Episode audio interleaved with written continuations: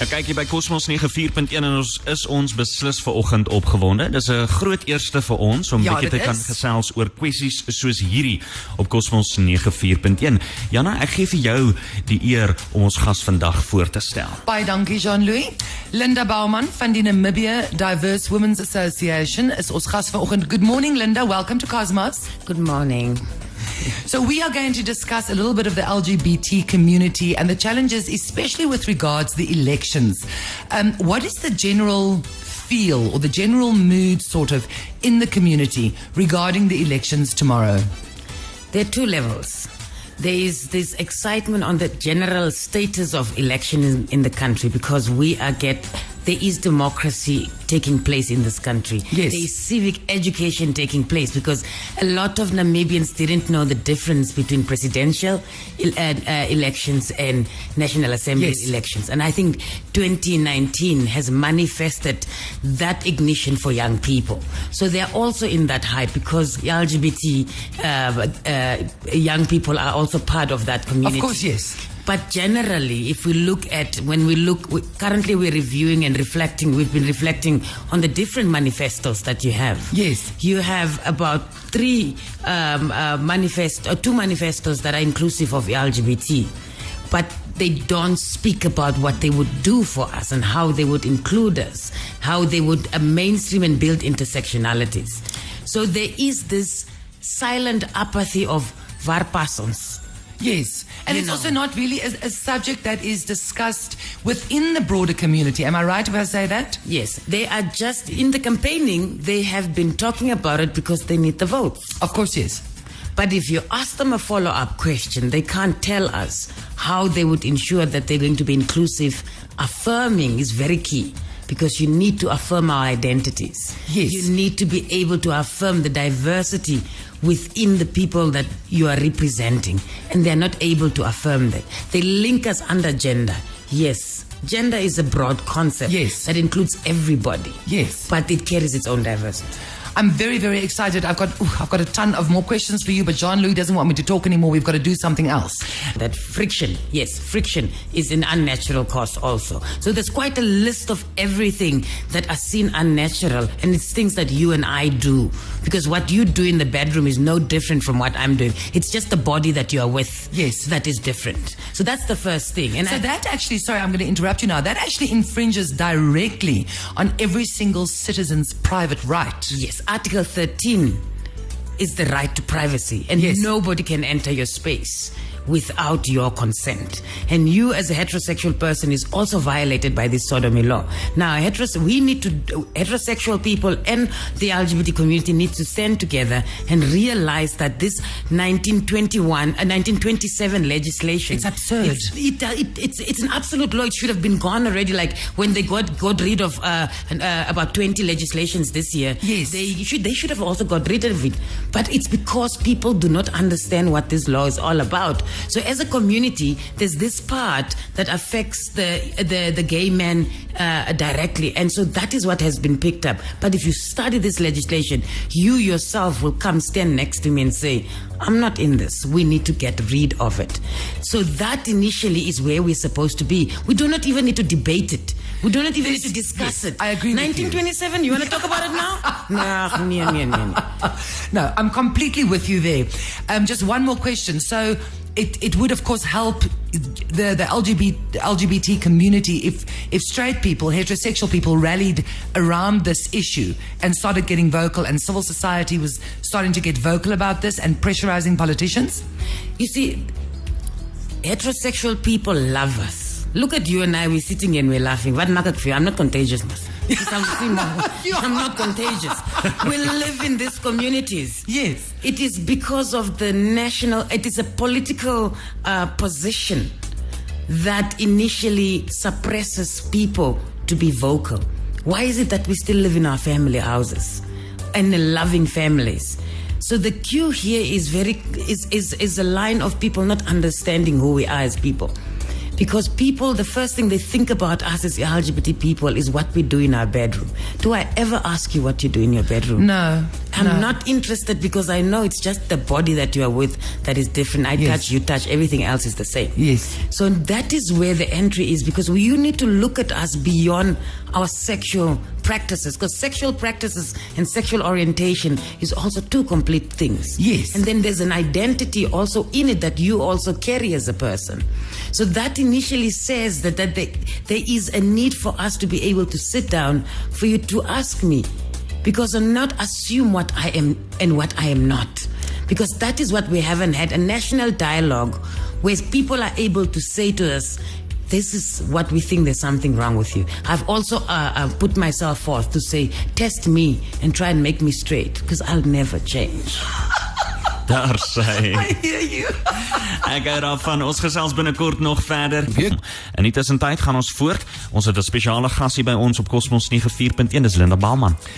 Dis reg, Linda Baumann en vir die wat nou ingeskakel het van the Namibia Diverse Women's Association, ons praat 'n bietjie LGBT kwessies in die aanloop tot die verkiesing. Linda, we were talking off ages now about victimization in the polling line at the polling stations. Can you tell us a bit more about what's happened in the past and what the fears are?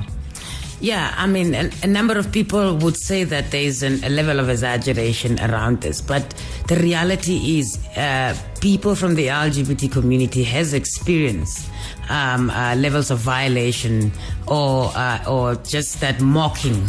Like, the- you know that bullying. It's like Yes. it reminds me of school. Yes. because we're standing in that queue. So Linda would get away because she's a lesbian woman, and they uh, people are so used to people that are so dykish and tomboyish. So it's fine, you know. But I then the yes. feminine gay man also gets away with it because that's like okay, because that's the norm. You know, you would, uh, if you look a little bit odd. But the transgender person, the trans man, the trans woman who do not conform to People's uh, expectations. Yes.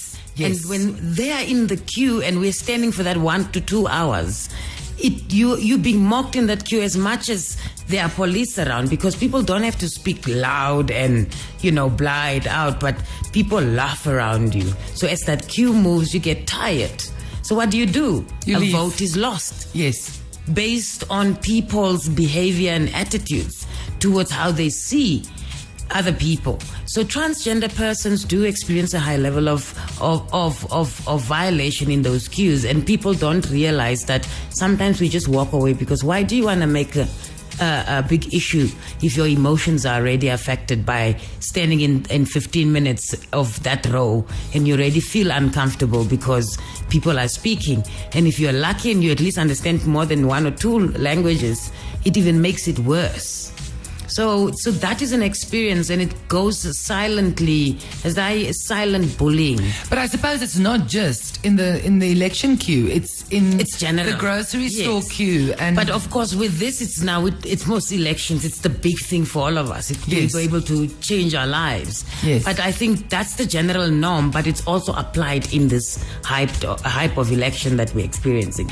So I I think um, people need to understand that we are not the same. We are all different. Short, fat, big, eh, you know, all of that. And being gay is just an additional element of how different we are. well, being gay is just another version of being straight. It's just exactly. it's because brown now, rice and white rice and basmati I've rice I and sushi Can I ask rice. you a question? You said must you straight. yes. Have you ever asked yourself why you are straight? I don't know. I just that you know that manly chest thing and the subble. I can't. uh, But you- I'm thinking about. but you know what I mean? It's like straight people never had the opportunity to sit back and ask themselves why they are attracted. If they keep asking now, why, Linda, why are you attracted to women?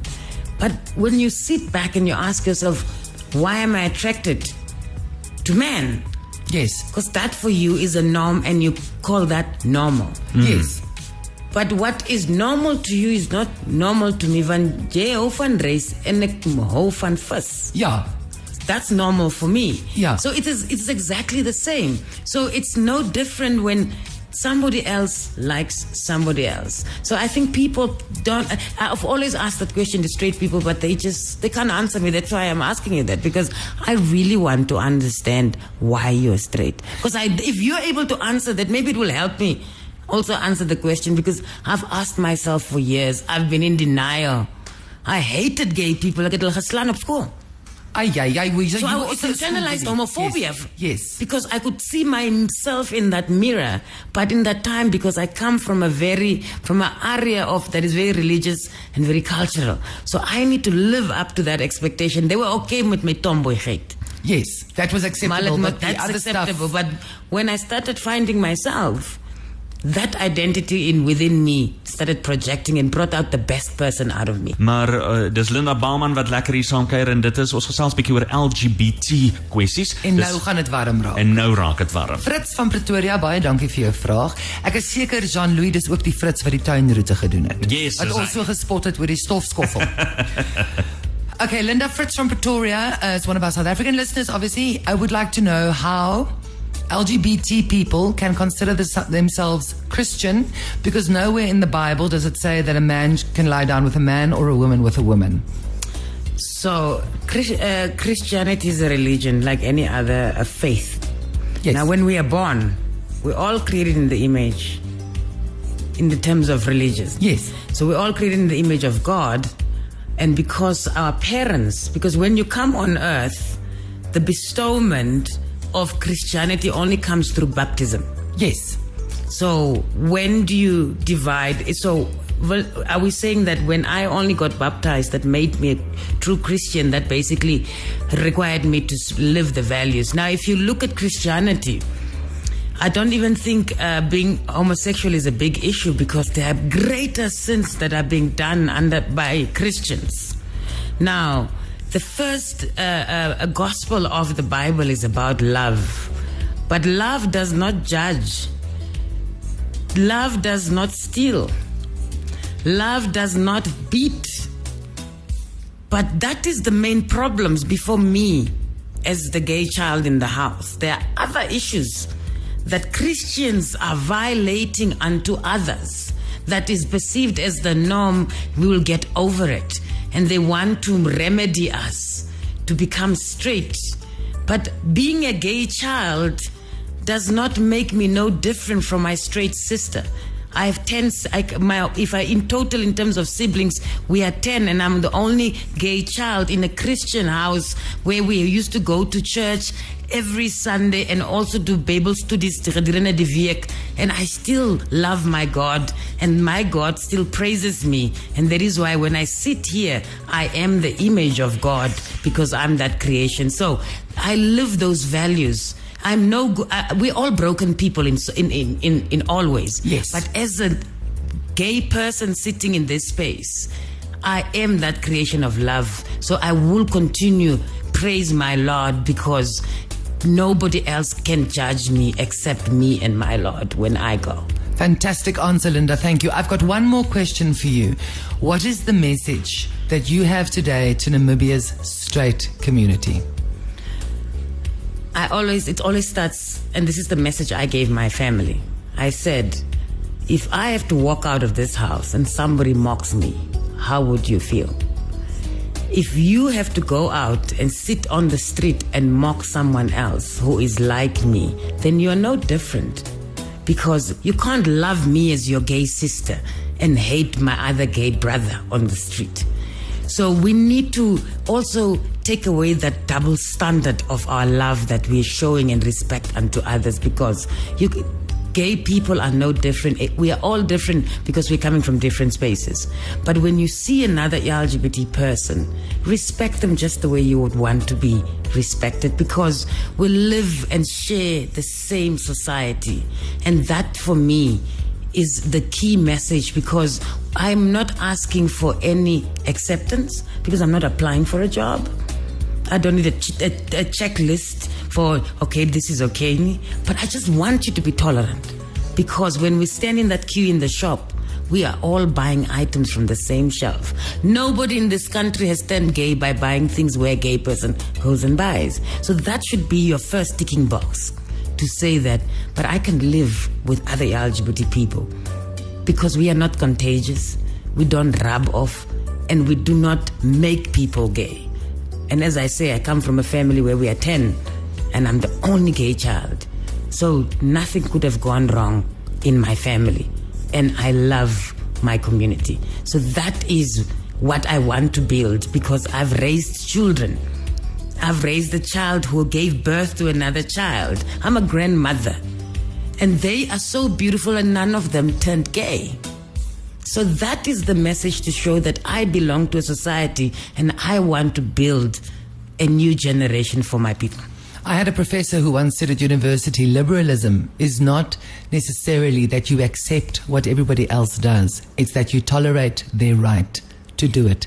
Thank you for your time, Linda. Thank you very much. Fantasties.